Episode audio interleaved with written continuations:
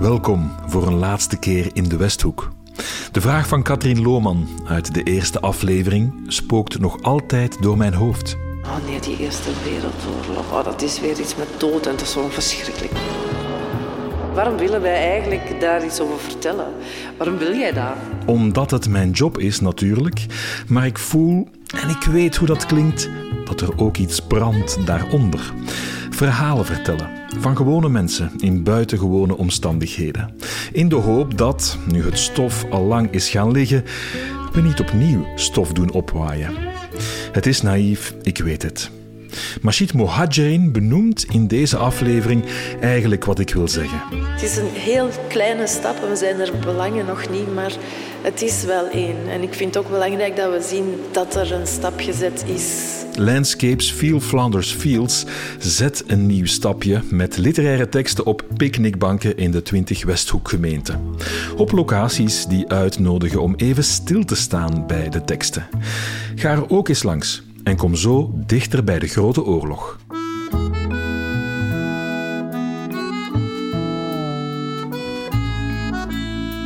Ik ben Ronald Verhagen en samen met enkele interessante gasten bezoek ik de prachtige stilteplekken waar de picknickbanken staan.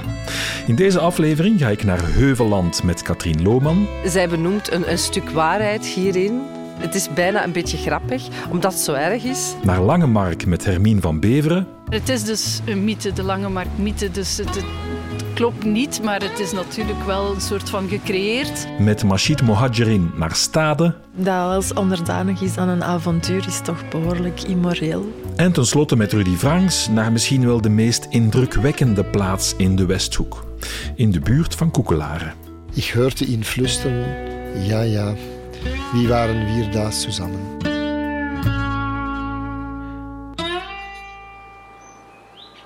Heuvelland. Zo stil hier overal, hè? Ja. jongens, toch. We staan op de Kemmelberg. Voor ons een vlakte met uitgestrekt grasland, akkers en slingerende hagen. De zon schijnt en Katrien Lohman neemt de stralen met dank aan. Op de bank staat een gedicht van Carola Omen, een Engelse schrijfster, verpleegster tijdens de oorlog. Het heet Lovers' Rhymes on Camel Hill, geschreven in 1919. PS Katrien had die opmerking over hoe stil het hier is niet mogen maken, want zodra ze begint te lezen, rijden er auto's langs. You might watch them two by two, going up in rain or shine, man and maid together, in the silent Sunday weather, and curly locks, curly locks, wilt thou not be mine? Was the only song they knew in summertime on camel. Five years ago in peace, when they used to climb to see the view from Oosthoek to the Lies. Alas, unhappy lovers, I know a better rhyme for singing when you climb, but it goes not two by two. Ladybird, ladybird, fly away home. Your house is on fire and your children all gone. That's the rhyme for you. It's mean, huh? I know a better rhyme for you. Your house is on fire and your children all gone. Is, uh, ja, it's hard, huh? Yeah. Zo, sarcasme. En ja, om het er nog eens nog in te wrijven, om het nog iets zwaarder te maken. En dan moet je even, ik betrap me erop, ik moet dan lachen, snap je? En um, dat hoor ik hier wel in. Hè? Helaas and happy lovers. I know a better rhyme for singing when you climb, but it goes not two by two, ladybird, ladybird, fly away home. En dan, ja, your house is on fire and your children all gone. That's the rhyme for you. Er zijn ook heel wat kinderliedjes, hè? Zoals in Duits zo en, en uh, Pommerland is abgebrannt. Maikäfer flieg, Maikäfer flieg. is ook zo een, een lied en dat, dat gaat over vlieg maar naar huis, uh, naar Pommerland. Maar Pommerland is afgebrand en uw huis is ook afgebrand. En eigenlijk hoef je niet meer naar huis te vliegen, want er is niks meer voor u. En dat dan allemaal zo verpakt in zo'n heel liefelijk melodietje. Ja, dat is, dat ook iets heel menselijks. Hè? Is sarcasme dan de goede houding? Om, uh, zo, als je dan ja, naar zo'n conflict kijkt en naar... Um, ik weet het niet. Ik, ik, denk niet.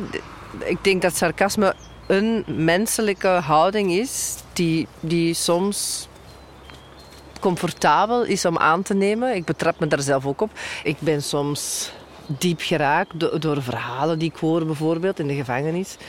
Maar ik ben ook soms. Uh, overstijg ik bijvoorbeeld mijn, mijn wanhoop bij het aanzien van de schending van de mensenrechten, bijvoorbeeld. Iets wat dagelijks gebeurt in gevangenissen. En dan reageer ik daarop met sarcasme. En, uh, en dat helpt mij wel, ja. Want ik kan niet alleen maar uh, huilen. Ik kan ook niet alleen maar uh, opkomen voor en woedend zijn en aanklagen. Nee, soms is het wel leuk om daar een hele, hele donkere grap over te maken. In Duits noemen we dat galgenhumor. Ik weet niet of je dat kan vertalen in het Nederlands. Galgenhumor. Nee, dat is galgenhumor. Dat is, dat is dat.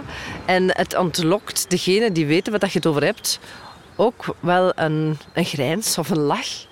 En, en tegelijkertijd, hè, als je nu kijkt naar dit gedicht, het is sarcastisch, het is, uh, het is dark, maar uh, het is alleen sarcastisch en dark omdat je natuurlijk voelt uh, dat het gaat over, um, of ja, dat de schrijfster dan wel degelijk uh, rouwt om het feit dat twee gewone lovers niet meer gewone lovers kunnen zijn.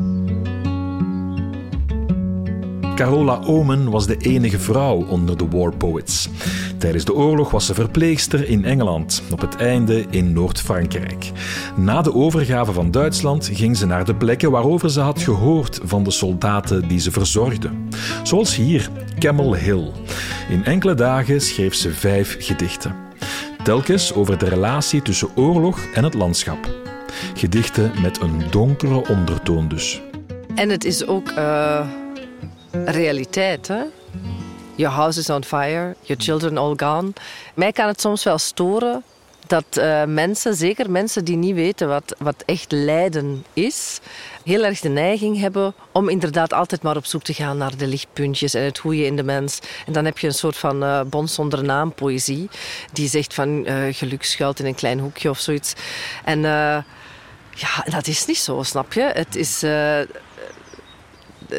zij benoemt een, een stuk waarheid hierin. Het is bijna een beetje grappig, omdat het zo erg is.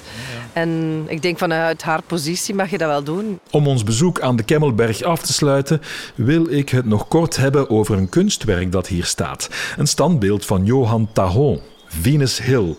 Maar Katrien is afgeleid. Katrien, zullen we met ja. Eh, schoonheid eindigen. Want er staat niet alleen een bank met de tekst van uh, Carola, de war poet. Maar je hebt ook een fles champagne mee. Nee, nee, nee, slechte koffie. slechte koffie, slechte koffie ja. maar we hebben natuurlijk het prachtige uitzicht van op de Kemmelberg. Uh, over, over de, de vallei hier en de, oh. de, de, de, vlakte. En er staat uh, naast ons een oh, kunstwerk. Kijk, en een rood borstje. Een rood borstje, oh ja, kijk. Dat is wel een heel mooi vogeltje. Kijk, daar heb ik nog nooit van zo dichtbij gezien. Heel mooi vogel. Ja, prachtig.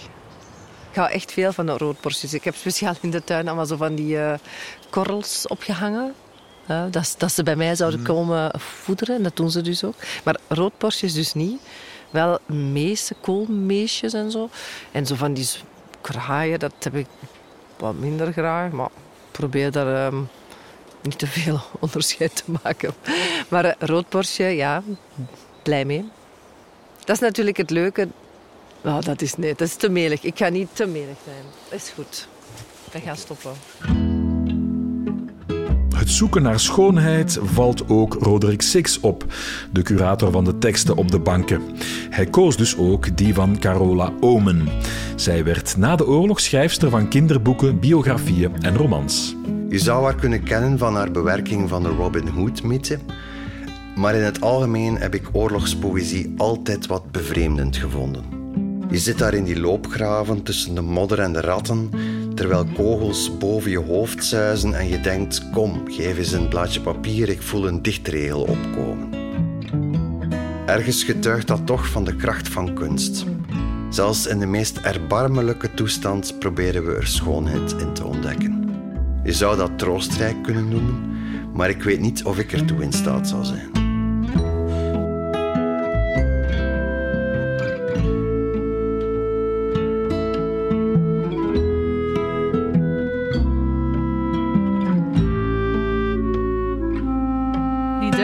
Begraafplaatsen, zo met die tegels, die geven me een ander gevoel dan Belgische en, en de vele Britse hier. Het is op een manier wat onpersoonlijker, maar krachtiger ook. Ik ben het met je eens, Hermine van Beveren. Ik ben ook onder de indruk van de soberheid en de sereniteit die de Duitse begraafplaatsen in de Westhoek uitstralen. Geen praal, wel een soort aardse ingetogenheid. Dat ze de oorlog hebben verloren, heeft daar wel iets mee te maken natuurlijk. We zijn bij de Duitse militaire begraafplaats van Langemark. Hier liggen meer dan 44.000 Duitse soldaten. Rudolf Binding is daar niet bij. Hij streed hier wel in de loopgraven, maar overleefde. Hij hield een dagboek bij en publiceerde dat na de oorlog als Aus dem Kriege. Op de bank staat een notitie van 24 april 1915. Die Wirkungen des geglückten Gasangriffs sind grauenhaft. Menschen zu vergiften, ich weiß nicht. Freilich, man wird erst darüber wüten in der ganzen Welt und es uns dann nachmachen. Die Toten liegen alle mit geballten Fausten auf dem Rücken. Das ganze Feld ist gelb. We hebben al de poëzie gehad van Gaston de Ruiter, die verbloemend was en romantisch. Dit is iets heel anders, een dagboeknotitie, heel rauw en Ja. beschrijvend zoals het was. Ja, heel rauw, beschrijvend. En het gaat natuurlijk over een gasaanval. Misschien wel eh, 24 april. Ik denk dat de allereerste 22 april was. Maakt op zich niet veel uit. De eerste gasaanvallen door de Duitsers gebeurt hier. Maar inderdaad, hij verbloemt niets. En hij uit zijn twijfel ook. Hij zegt eigenlijk, ja, mannen, mensen aanvallen met gif door, door gif proberen om te brengen. Ik vind het maar niks. Tegelijk zegt hij dan ook van... ehm, ik denk dat eh, iedereen ons er eerst voor met de vinger zal wijzen, maar ze ons dan gaan imiteren. Ja, dat is eigenlijk wel een bedenking die hout snijdt. Ja, inderdaad. Want, want het is ook gebleken, ook, ook dan al, Eerste Wereldoorlog. Ook de Britten hebben dan eh, met gas eh, aangevallen. Ehm, dat gas is ook verder ontwikkeld. Want, want hier, die eerste aanvallen, waren nog niet het mosterdgas bijvoorbeeld, dat pas wat later in de oorlog is gebruikt. Dus die bedenking is er. En ik denk vrij algemeen. En toch heb je op dat, dat ja, hogere of andere niveau, het, het politieke, het militaire, dat er gewoon maar mee wordt, wordt, wordt voortgegaan en, en verder geëxperimenteerd en verder ontwikkeld. En bij de Duitsers zelf was dus wel dat gevoel ook van ja, die, die twijfel. Ik, eh, Rudolf Ja, dat is enigszins zelf, geruststellend natuurlijk. eh. Ergens, Ja. ergens wel. En, en tegelijk zit daar ook heel sterk dat, dat soort universele machteloze in, vind ik. Van als het dan op hoger hand door, door... Ik zie dat als soort schaduwfiguren wordt beslist. En iedereen wordt erin meegezogen, meegetrokken op een manier. En het gebeurt dan toch, ter- terwijl ook dat gevoel is van... Dit is niet, niet juist, het klopt niet, het kan niet, het mag niet. En toch gebeurt het. Dat is, Rudolf Binding, de man die het eh, schrijft, de dagboeknotitie die hij dan later heeft uitgegeven na de oorlog, was een beetje een atypische soldaat, omdat hij al 46 was toen hij eh, aan de oorlog deelnam. Vrijwillig ook. En hij, hij schrijft ook ergens verder in zijn dagboek, dat heb je nu niet eh, voorgelezen in de tekst. Mijn haard mocht achter mij uitdoven, mij ging het enkel om het noodlot, in zoverre dat ik er naartoe reed om te kunnen slagen. Met andere woorden, hij had niets om voor te vechten thuis, zeg maar. Maar hij was een avonturier, denk ik. ja, Voor, voor land en glorie misschien. Maar dan vooral voor zichzelf en eh, ja, voor als een zichzelf. beroepssoldaat. komt dus blijkbaar ook ja, bij, bij de Duitsers eh, terug Mhm. natuurlijk. Hè. En inderdaad, die, die oudere leeftijd, mi- misschien daarom ook meer die bedenking, dat hij die bij, bij Ja. hem terug kan lezen, dat, dat kan ook. Ja, hij heeft alleszins heel bewust ervoor gekozen wel om, om mee te doen. Dus het is wel een contradictie ergens, vind ik dan, van, van ook al echt die twijfel bij dat gas, maar dan toch ook echt vrijwillig in die oorlog meestappen, dan, dan geef je er toch ook een soort ja, persoonlijk dan goedkeuring voor op een manier. Ongetwijfeld, ja, ja zeker. Het is, het is dubbel, terwijl hij ook wel met die twijfel zit en die ook uit. Dus ja, een, een wat, wat uh, ambigu figuur, denk ik, op een, uh, op een manier. Maar, maar die, die, die wel doet nadenken, dat sowieso. De begraafplaats in Langemark wordt ook wel het Studentenfriedhof genoemd. Een aantal jonge Duitse vrijwillige soldaten sneuvelt hier tijdens de slag om Langemark. Waarover Rudolf dus schrijft in zijn dagboek. Die slag gaf aanleiding tot de Langemark-mythe. Wat vertelt die mythe? Ja, heel, heel beknopt dat, dat uh, bij de eerste aanvallen dat dat vooral uh, eigenlijk Duitse studenten waren, hele jonge mannen die dan wat, wat, wat naïef, maar, maar vol bravoure en vaderlandsliefde al Duitsland oeber alles zingend ten strijde zouden zijn getrokken. Maar het is dus een mythe, de Lange Mark mythe, dus het klopt niet, maar het is natuurlijk wel een soort van gecreëerd en dan ook wel gebruikt en misbruikt Zeker ook door, uh, door Hitler bij de Tweede, in de Tweede Wereldoorlog. Want ja. Hitler is ook hier... We staan nu letterlijk in de voetsporen van Hitler, want hij heeft hier ja. op dit kerkhof gestaan. Uh. Ja, zeker. Heeft het dan, uh, dan bezocht als een soort propagandabezoek um, tijdens die Tweede Wereldoorlog, toen het, toen het bezet was al, Langemark hier. Hitler hier ook geweest tijdens de Eerste Wereldoorlog. Niet, niet hier zelf, denk ik, meer uh, rond Meesen uh, dat, hij, dat hij zat, Meesen-Wervik. Ja, en bij Binding las ik dan wel het, het wat, wat dubbele, die oorlog meegemaakt. En dan richting Tweede Wereldoorlog contrast tussen uh, ja, vragen hebben bij nationaal socialisme, de nazi-partij die opkwam, maar dan toch ook er, er zeker geen afstand van genomen, in tegendeel. Dus... In zijn dagboek schrijft Rudolf Binding ook dat Langemark helemaal is verwoest. Maar te midden van al het puin staat één iets nog recht: het portaal van de kerk. Von der Kirche steht gerade noch das Portal mit der Jahreszahl 1620.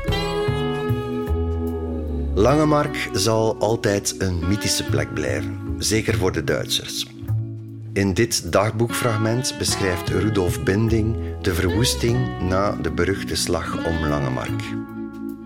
Die mythe werd later door de nazi's misbruikt om de heldenmoed van Adolf Hitler te beklemtonen, terwijl die amper het front heeft gezien. Het beeld van de deur uit de middeleeuwen vind ik wel zeer mooi alsof de geschiedenis weigert toe te geven aan de oorlog. Dat of ze wisten hoe ze in de middeleeuwen deuren moesten maken.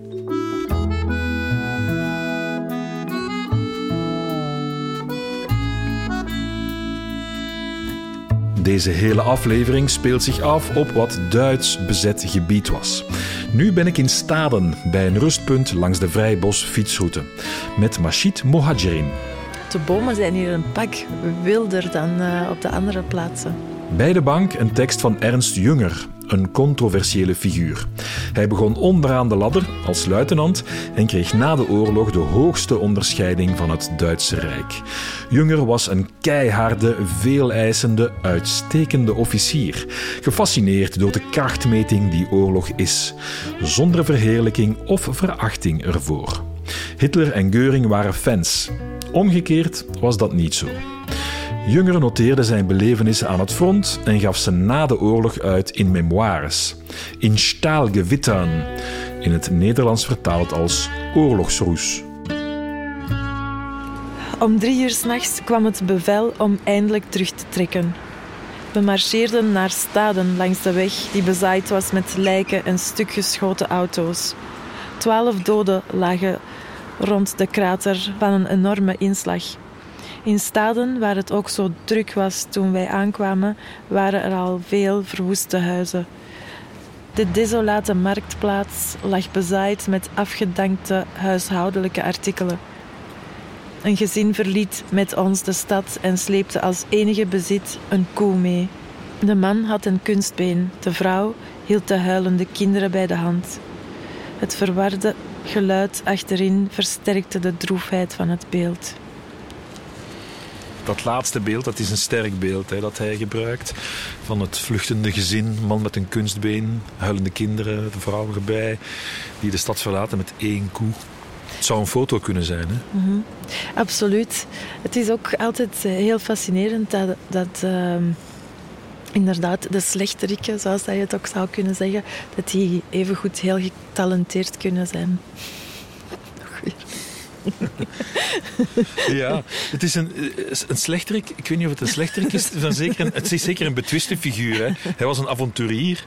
En hij zei, ja, wat moreel verantwoord is, doet er eigenlijk niet toe. De essentie is voor mij avontuurlijk leven. En oorlog, Slechterik, oor- oorlog hoort daar dan bij. Ja, vind ik toch wel. Dat is toch, ja, alles ehm, dat alles onderdanig is aan, aan een avontuur is toch behoorlijk immoreel, zou ik denken. ja. Dat, dat trok hij zich dus niet aan. Kan je daar begrip voor opbrengen, voor dat standpunt, of totaal niet? Nee, totaal niet. Ik denk dat je dat, dat, dat een beetje het probleem is waar dat we mee worstelen nog steeds. En dat dat hopelijk bereiken we wel een soort maturiteit waardoor dat, dat niet meer hoeft of zo. Op die manier. Denk je dat dat überhaupt mogelijk is? Want zouden we die maturiteit al niet moeten bereikt hebben met alles wat we hier zien?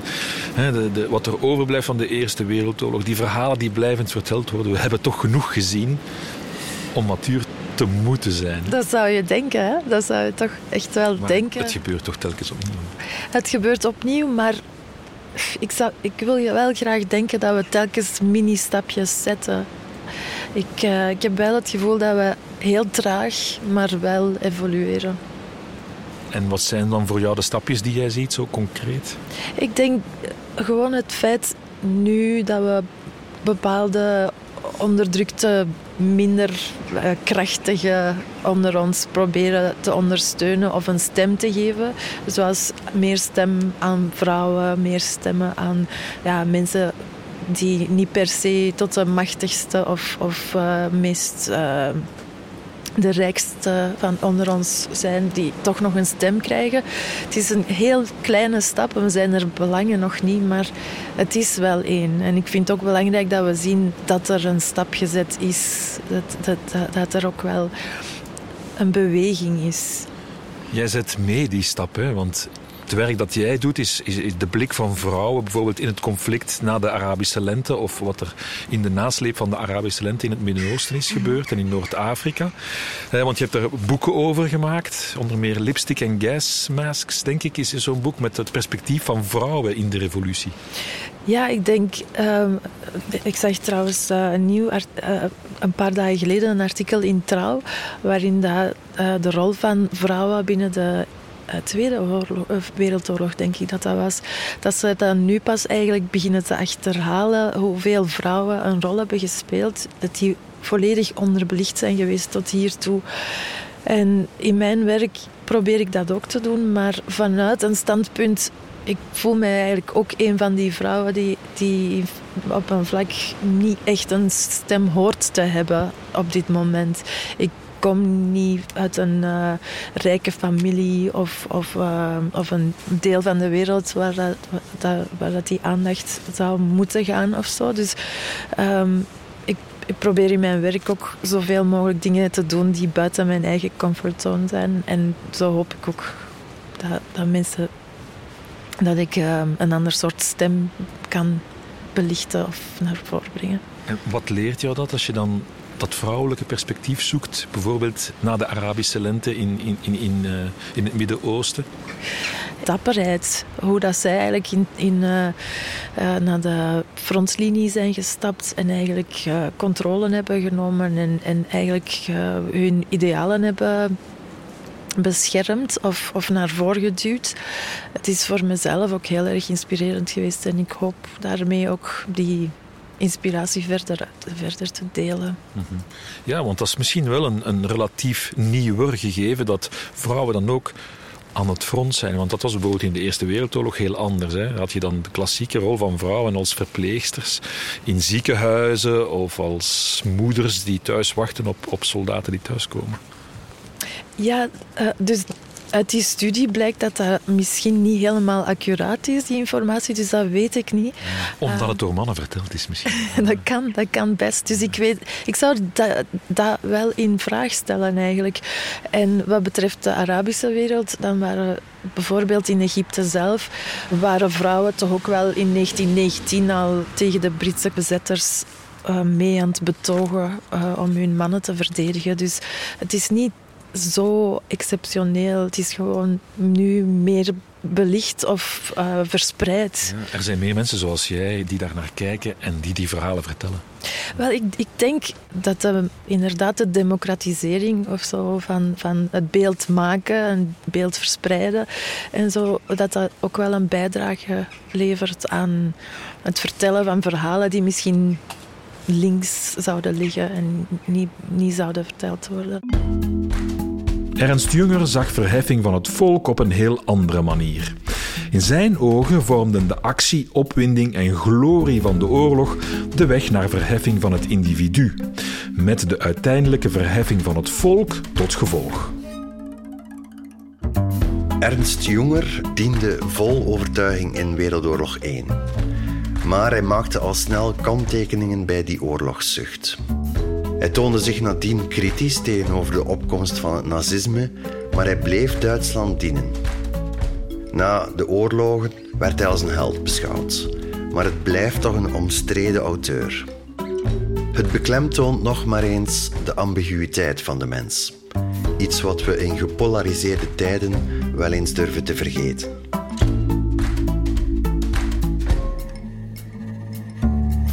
De laatste stop is de meest indrukwekkende. De picknickbank staat bij de Tuinen van de Hoop in het centrum van Koekelaren. Daar ligt ook het Kete Kolwitz Museum. Maar Rudy Franks en ik staan niet bij de bank deze keer. Wel op de Duitse militaire begraafplaats van het nabijgelegen Vladslo. Want daar staat het bekende beeldenpaar van Kete Kolwitz. Zij verliest haar 17-jarige zoon Peter in de oorlog. Hij sneuvelt tijdens de eerste weken aan het front in 1914.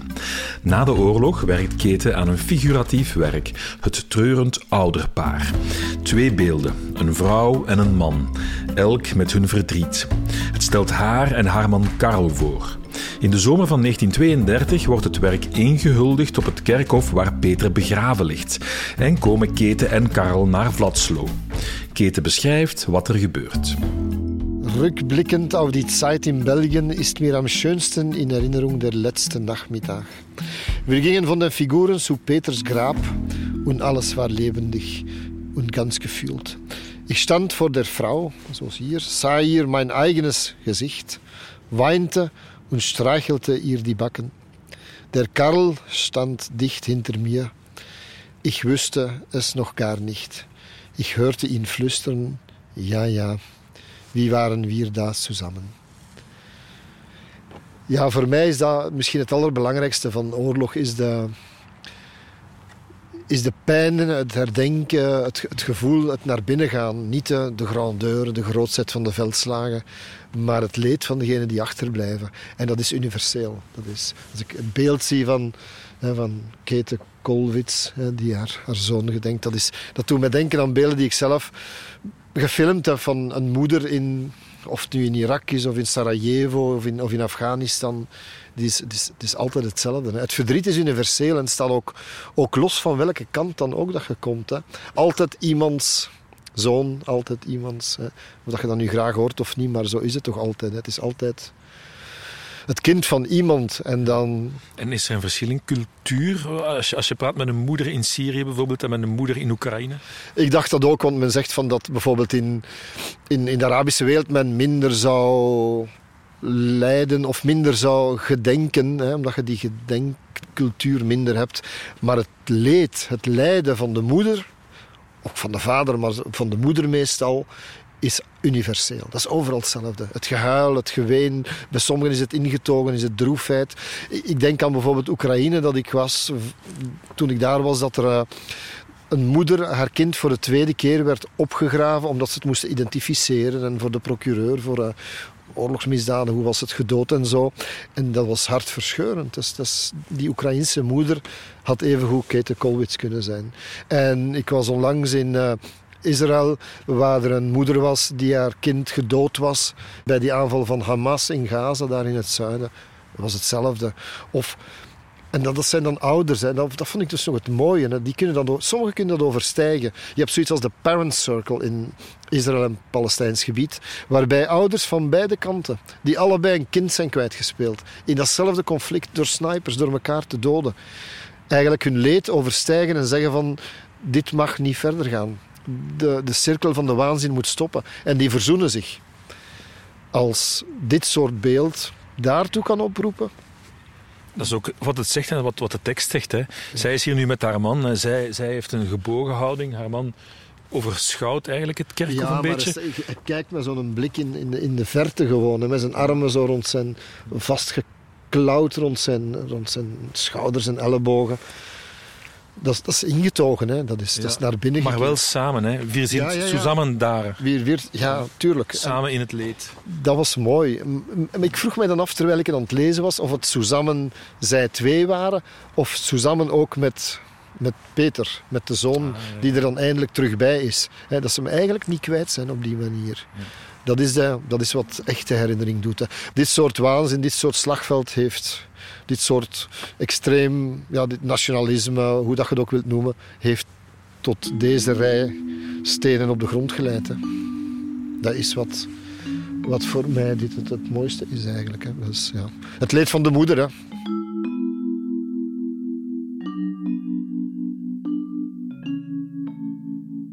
Ik denk dat dat nooit weggaat. Ik denk dat het nooit weggaat. Als ik zo moeders soms spreek, soms, soms als het rouw nog is, maar ook soms als het zoveel jaar later, soms tien jaar later, ze blijven die, die pijn voelen. Maar als ze dat, ik denk dat het belangrijk is dat ze dat een plaats kunnen geven. En dat toont dit, en dat toont ook die tekst natuurlijk, dat ze een plaats kunnen geven. Vooral Nieuwieder, als Nieuwieder daaruit zou voortgekomen zijn. Jammer genoeg was Nieuwieder, was het niet hè, hier. Hmm. Want toen dat blijkbaar zij dit eh, het beeld hier kwam, was het closure moest zijn, afsluiting van een tijdperk van waanzin en oorlog. Een paar dagen later is, is Hitler uh, verkozen in Duitsland en hmm. het droeg al de kiemen in zich van een nieuwe waanzin. En dat is het dus wel jammer genoeg. Hè. En dan zullen er weer andere beelden van andere moeders opgericht worden, zeker.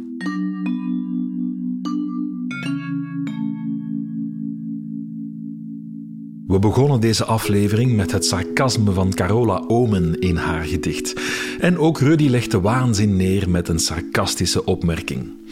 Maar pikzwart is het niet, want ondanks al het leed ziet hij toch ook schoonheid. Wat is de Westhoek voor mij? Dat is dat, dat, gedicht over in Flanders Fields, hè, van die klaprozen. Hè. Dat is zo, dat, dat, die schoonheid van bloemen en die diversiteit op op, op zo'n slagveld. Onlangs zag ik een foto, als was die genomen in de Westhoek, maar een immens prachtige foto die, uh, van klaprozen in een veld. En dat was een foto die gemaakt was in Oekraïne. Ik dacht van, wauw, dit, dit, leek wel de Westhoek en het was Oekraïne. En dan ben ik gaan opzoeken en dan blijkt dat die klaprozen groeien op plekken die, waar de aarde omgewoeld is door de gevechten, zoals hier het was, en waar misschien wel lichamen liggen en op die voedingsbodem, hoe gruwelijk het ook klinkt, ontstaat, dan maak ik mezelf graag wijs. Uit die waanzin kan soms ook nog een zekere vorm van schoonheid ontstaan. En dat is, dat is voor mij het beeld van die klaprozen hier. Kunst is in staat om het onzegbare te laten verschijnen. De beelden van Koolwitz zijn daar een indringend voorbeeld van. En zij is duidelijk zelf onder de indruk alsof ze amper begrijpt wat ze geschapen heeft. Kolwitz die zichzelf in het beeld herkent, huilt en de granieten wang streelt. Ik vind dat zeer aangrijpend.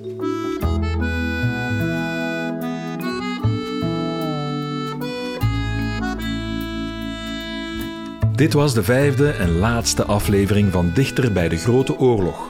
In het kader van het project Landscapes Feel Flanders Fields van Westtour en Toerisme Westhoek.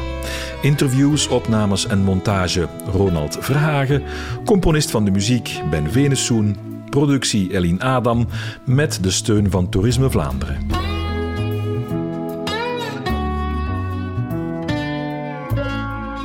Ik wil graag Hermine van Beveren, Machid Mohadjerin, Wouter de Pre, Katrien Lohman en Rudy Franks bedanken voor de boeiende uren die we samen hebben doorgebracht in de Westhoek.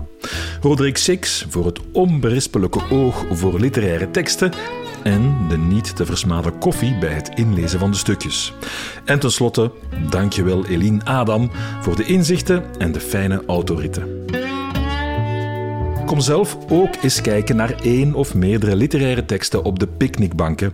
Een moment om te bezinnen midden in het prachtige landschap van de Westhoek.